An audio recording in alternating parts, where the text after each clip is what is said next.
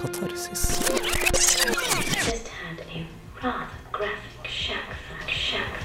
Let the game begin. Følg deg skitten. Urene tanker.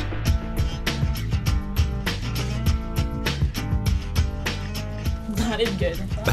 Det er kjempegøy.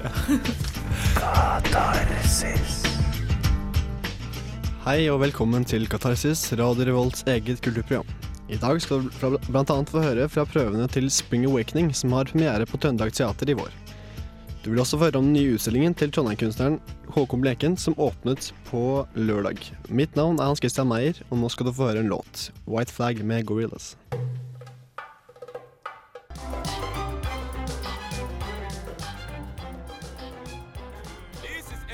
100. Fighting the evil, music for the people. Keep it locked, lock it off. One more time.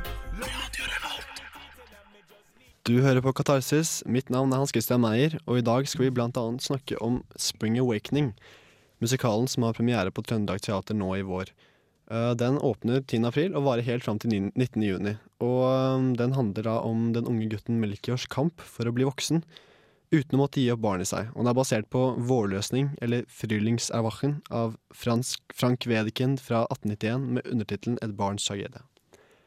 Og I stykket så vegrer de voksne på skolen å gjemme seg for å gi de unge nødvendig, den nødvendige kunnskapen de trenger for å leve i verden, og for å skåne for mange av livets farer. Og denne skåningen gjør møtet med virkeligheten vanskelig for de unge, som gjør at uh, hovedpersonen Melkjord, i likhet med sin jevnaldrende, sliter med å møte verden som et selvstendig voksen menneske. Og Stykket er kjent for å ha blitt bannlyst veldig ofte på, grunn av, eh, på grunnlag av å være for pornografisk, og det ble blant annet ikke oppført på engelsk språk på nesten 100 år. Så i 2006 så ble stykket omskrevet til en musikalsk av Steven Sater og Duncan Chaik. Og musikalen har blitt en enorm suksess på eh, Broadway i New York. Og den hadde da norgespremiere i Oslo 29. januar. Og eh, Katarsis-medarbeider Kristine Apanes har vært i kulissene på Trøndelag Teater og snakket med regissøren Kjersti Haugen. Så nå skal vi få høre intervjuet.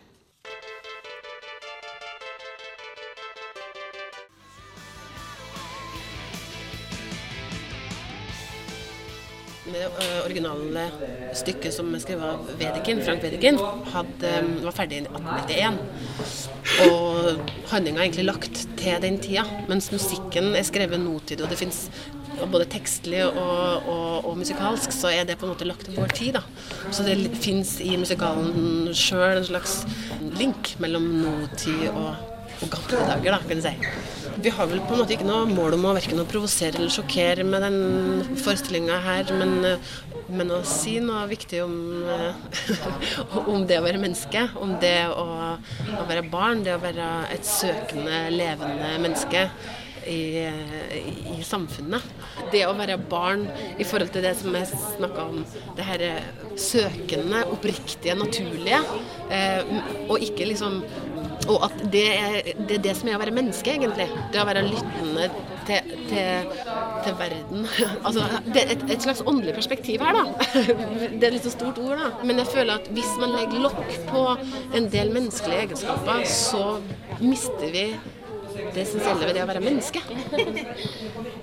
Hvis vi lar oss styre av om det er liksom overdreven pornografi, eller om det er overdrevne religiøse normer altså Plutselig så kanskje man mister sin medmenneskelighet, f.eks. Da er samfunnet vårt på ville veier. Hvis man liksom glemmer å se en annen og lytte en oppriktig, uten liksom et sånn filter av eh, fordommer.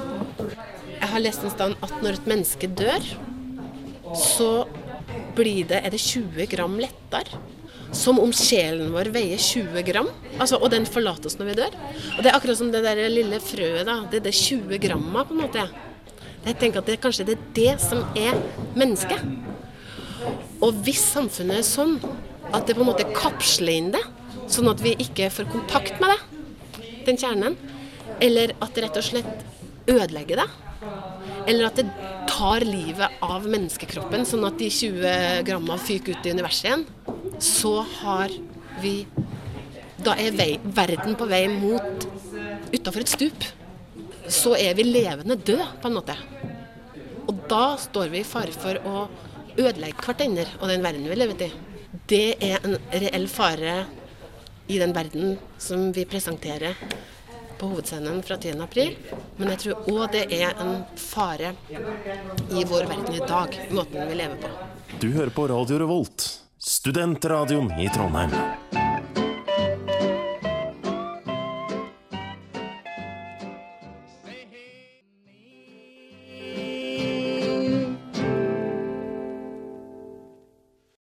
Der hørte du Hey Good Looking med Hank Williams. Og før det så hørte du også Kristina Appalnes intervjue Kjersti Haugen, som er eh, regissøren ved den nye musikalen ved Trondheim Teater, Spring Awakening.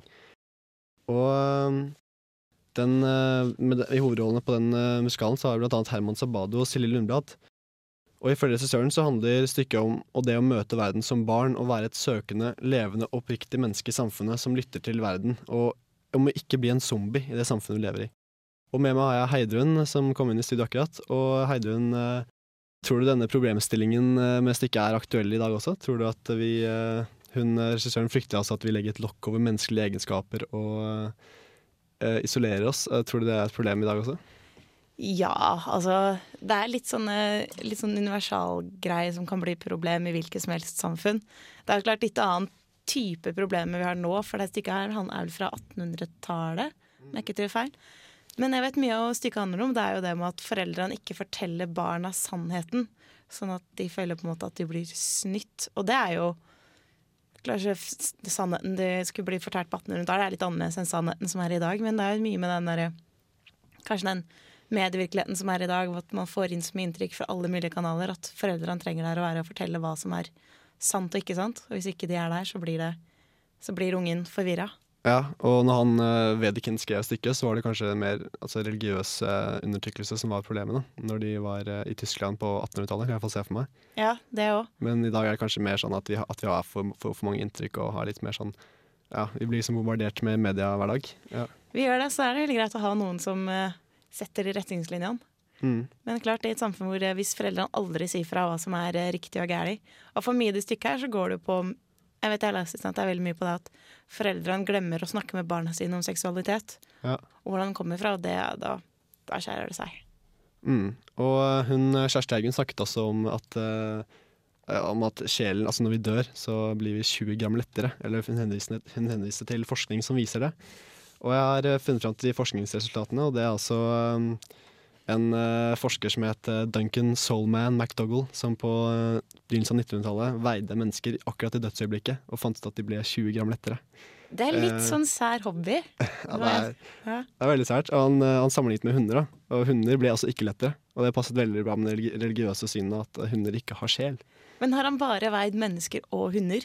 Ja, Så, og men- tror, det, var, det var bare seks mennesker, da. Uh, okay. Så Så det er litt sånn. Men det er litt, det er sånn Ja. vitenskapelig myte som går i. det er litt sånn sær hobby å skulle veie, finne ut Man kan liksom ikke gjøre det på seg sjæl. Finne ut hvor mye lettere man blir etter døden. Nei, det må være vanskelig. Og ja, det blir også, det blir også filmatisert, da. Så, men hun snakket jo om at eh, Hun snakket om dette med at disse 21 grammene som er sjelen vår, Mm. i det moderne samfunnet så blir det kapslet inn. eh, og og vi, vi kommer litt sånn ut av den menneskelige kontakten med hverandre, og vi lærer liksom ikke å bli ordentlige mennesker når vi vokser opp foran dataskjermer osv. Det er jo på mange måter så er det fortsatt aktuelt, da. Det er det jo aktuelt. Mm. Uh, det var litt om Spring Awakening. Uh, nå skal du få høre en låt som heter 'Jealous of Roses' med BBO.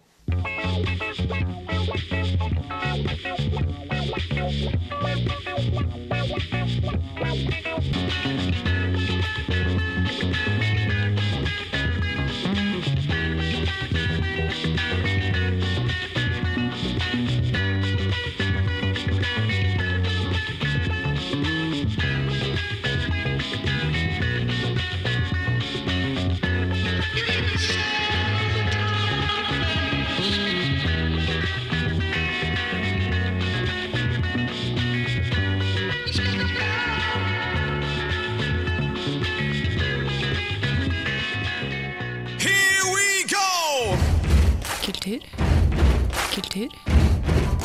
Se og Hør her på Katarsis.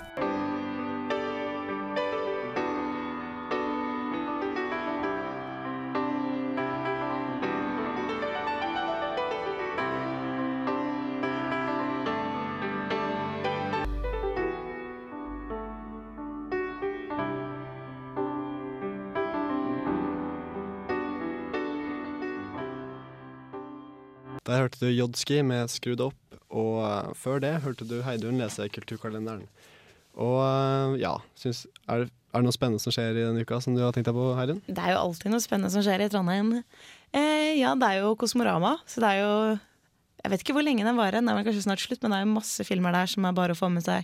Ja, jeg tror det er siste dag i morgen, så da må Ja. man løpe og se filmer. Ja, Om vi ikke har sett filmen, da, så må man løpe og se. Ellers så er det jo i forbindelse med, eller på Avantgarden, men det spilles da på Versdalen, dette Assassin, Mm. Som er eh, en musikal, faktisk. Og det er litt sånn gøy at det er ikke litt sånn performance-kunst eller utøver setter opp eh, musikal.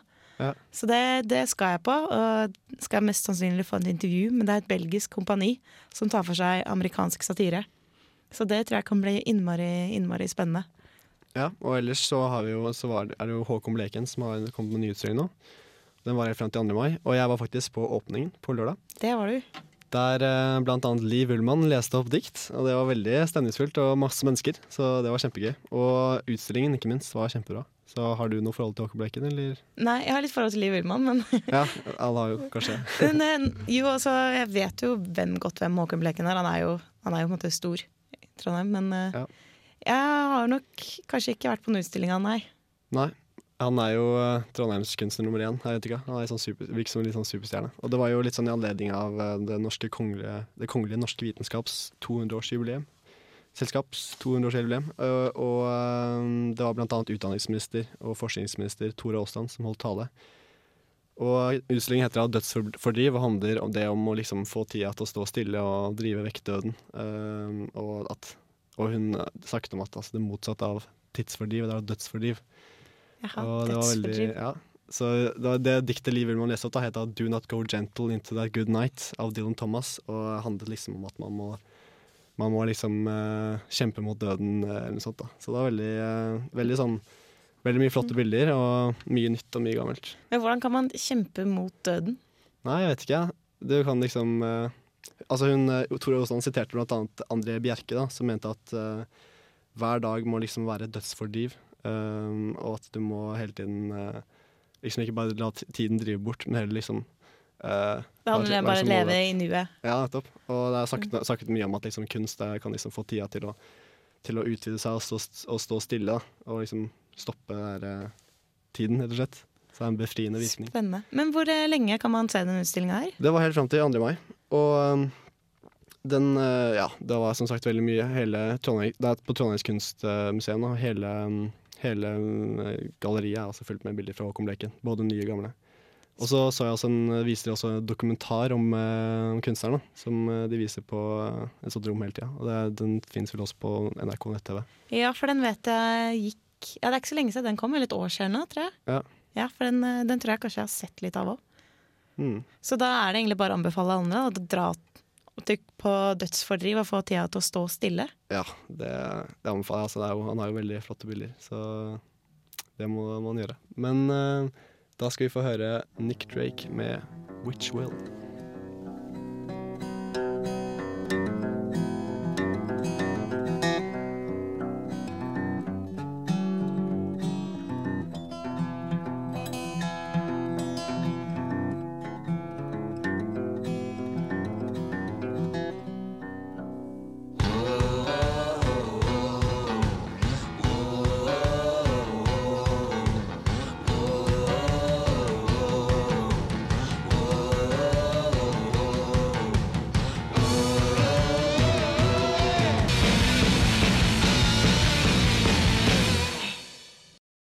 Der hørte du rockebandet Black Rebel Motorcycle Club med 'Conscience Killer'. Og uh, ja, jeg var jo på Håkon Bleken nå uh, på lørdag, og jeg må innrømme at jeg er blitt litt fan av fyren. Fordi selv om han er 81 år gammel, så fortsetter han å produsere kjempekul kunst. Og uh, særlig gjennom dokumentaren for blir han ganske kjent med en ganske kul fyr. Og liksom, ja, du er også litt fan av, av uh, Liv Ullmann, da, som var der i går, er det ikke det, Herren? Jo, jo, absolutt. Eller det er litt mer det derre hva Liv Ullmann står for. Det liksom at det er en norsk skuespillerinne som har vært stor i utlandet. Ja, vår eneste Hollywood-stjerne. er Ja, ja, ja. Så det er liksom ikke det at man elsker Liv Ullmann. Jeg har liksom ikke sett så mye av henne, men det er det at det er liksom navnet Liv Ullmann. Og så har altså Jeg så faktisk Liv Ullmann i går. Ja. Ikke, for jeg var ikke på utstillinga, men jeg var, møtte henne på restaurant Eller møtte henne ikke, da, men hun var på restaurant. Så jeg gikk forbi henne da jeg skulle til doen, og da satt jeg og, sa, og dere hørte at du satt der og prata. Og har så innmari sånn derre from og fin dialekt. Jeg klarer Ja. ikke å prate sånn, men det er sånn skikkelig fin Oslo-dialekt. da Som en litt sånn pen dame. Mm, men hun er jo oppvokst i Trondheim, er hun ikke det? Jo, Ja, jeg, jeg at hun var født, født i Tokyo og oppvokst i Trondheim. ja, men uh, likevel. Hun har den derre Hun har jo veldig sånn forfinet uh, veldig forfinet Ja. dialekt. Men uh, nei, det var ganske stort å se Liverpool-mann i går. Altså, jeg har gjort det òg. Mm, jeg må si at hun var uh, ganske flink til å lese dikt. Det er jo det er vel kanskje Hun er vant til å Hun har ganske sikkert lang erfaring med sånne ting. mm. Og så hørte jeg også en venn av meg vise, vise meg et klipp hvor uh, Dylan Thomas selv leser opp diktet. Jeg må innrømme at det var en litt annen, uh, litt annen opplevelse. Oh. Litt mer sånn kraftig stemme. Det ble liksom ikke helt det samme. Men, uh, men vi har også en liten ting du har laga om det å være fan. Ja, for det er jo sånn Jeg tror det er ganske for alle oss, men når vi vokser opp, så er det alltid noen Når vi er bitte små, så er det liksom mamma og pappa som er de store heltene. Men etter hvert så kommer det jo inn andre i livet som sånne store idoler da, som tar over hverdagen nesten. I hvert fall i mitt tilfelle, og det er jo sånn er det for veldig mange. Ja, Man har jo de derre Min generasjon kjenner sikkert til Spice Girls, Backstreet Boys, ja. hele den gjengen der. Jeg vet ikke, hva Hadde du noen ja, For store meg var det? Red Old Chili Peppers som var alt. Altså. Det var Ja. hele livet mitt i tre-fire år. Ja, det er sånn hvor man tapetserer hele veggen og man, med plakater, og man kjøper alt om helt sånn fanatisk. Jeg husker jeg, før jeg var da fan av a-ha, ble fan av Morten Harket da jeg var sju år, faktisk. Oi. Så det husker jeg. Det husker jeg egentlig veldig godt. Han var på en måte min første kjærlighet. Enn da en mann som var like gammel som mor mi. Det synes jeg, jeg tror jeg fatter'n syntes det var ganske kjipt. Men uh, da fløy jeg iallfall rundt og hørte på a-ha-plater da jeg var liten. Ja, men da hører vi på det. Det skal vi gjøre. Hei Døren, Morten Harket er på TV-en. Hei Døren, a-ha på radioen.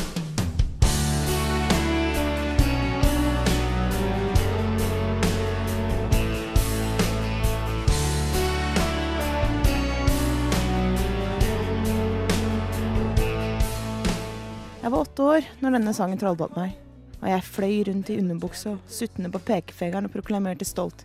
Jeg elsker Morten Harket. Ja, vær så snill, da, husker jeg at fattern sa. Men jeg brøy meg ikke. Min første kjærlighet var et faktum.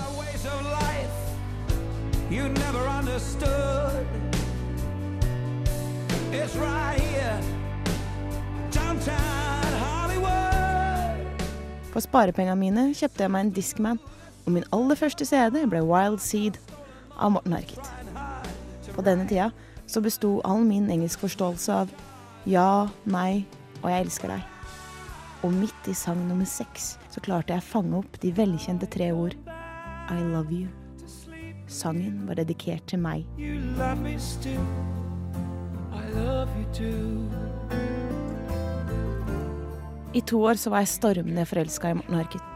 Men en dag så kom a-ha inn i livet mitt, og da falt jeg like pladask for dem som jeg tidligere hadde gjort for Harkets solomusikk og vakre stemme. Og for en fan. Å herregud, for en fan jeg var. Alt ble oppslukt. Tekster ble plugga på rams, alle artikler skrevet ut og systematisert. Avisutklipp revet ut og hengt opp på veggen. Og i perioder så kunne man ikke se fargen på veggen min for alle falmende avispapir. Bøker ble leid inn, og historie pugga. Jeg kunne alt. Navn, steder, årstall. I en alder av 14 er jeg sikker på at jeg kunne holdt timevis foredrag om a-has historie. Og i dag så kan jeg fortsatt huske at Morten Harket veide 5 kilo når han ble født. Han er 183 cm høy og bruker 43-44 sko.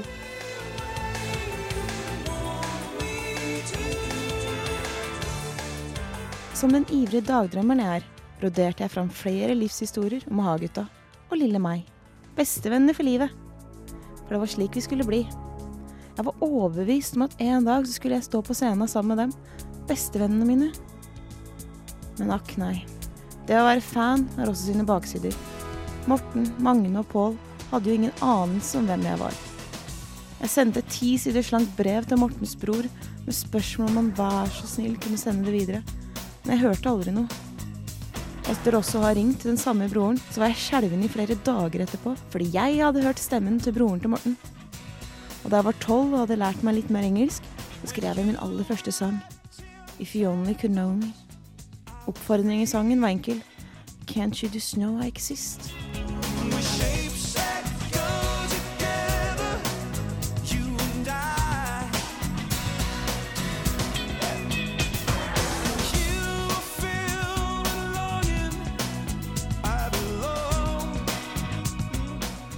Etter hvert som a-ha gjenoppsto som band, ble førsteprioriteten i livet mitt å få komme meg på konsert. Og jeg husker så utrolig godt første gangen jeg kunne stå og se opp og se på gutta. Akkurat da var alt perfekt. Og da, selv om jeg som de aller fleste andre har blitt eldre med åra, så er a-ha fortsatt i dag å beregne som mitt favorittband.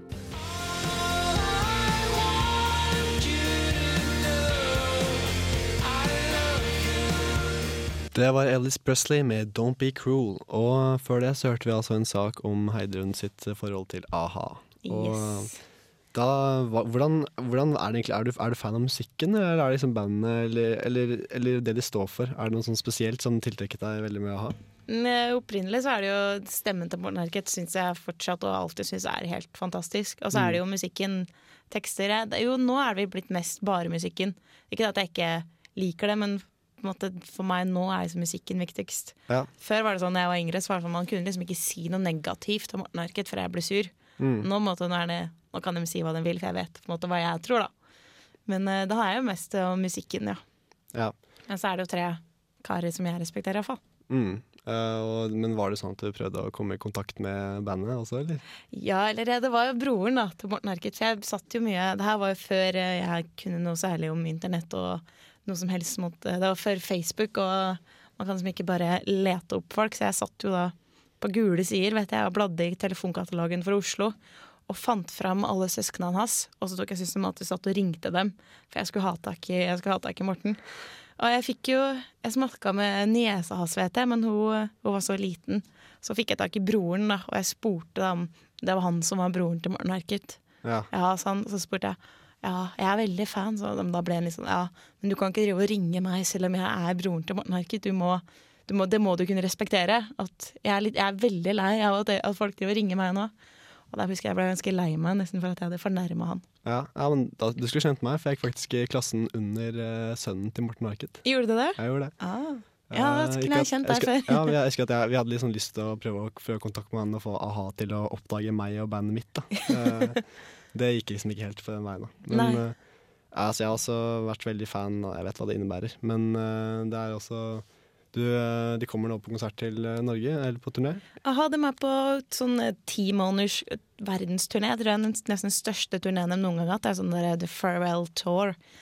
For de skal legge opp nå, så de er jo Sør-Amerika for øyeblikket. Men de kommer jo til Trondheim og spiller på Lerkendal i september, begynnelsen av september eller slutten av august. Det er egentlig veldig typisk, da, for det er ikke jeg i Trondheim. Nei. Men uh, for alle som er i Trondheim, så er det jo, burde jo i hvert fall dra og se. Siste mulighet her Men her du har sikret deg billett andre steder? Er Ja, jeg har sikra meg billett til eh, avslutningskonserten den 4. desember i Oslo. Og så litt sånn for plaster for såret, for at jeg ikke fikk sett se den her i Trondheim, så skal jeg til London nå i slutten av november. Det er det. Så jeg avslutter faktisk ferien min ei uke tidligere for å rekke å ha konsert. Ja. Og å være på konsert med ha-ha, er, eh, er det en stor opplevelse? Det er alltid en stor opplevelse. Var det nå sist når vi spilte i Oslo i november. Eller så det største av ha-opplevelsene tror jeg var på når de spilte i Frognerparken foran 120 000 folk. Og da står jeg helt fremst. Oi, oi. Det var kult. Ja, jeg har også vært på noen sånne konserter man så helt forrest med band du bare elsker. Ja. Og det er, eh, det er utrolig. Man føler alltid at man får øyekontakt og så tenker man ah, det er meg han ser på. Ja, det, det, det kjenner jeg meg veldig igjen i. Ja, Altså. ja, ja. Bare, Han så på meg i konserten. Men uh, vi eh, skal nå høre Bloody Knives med Hands Around My Neck.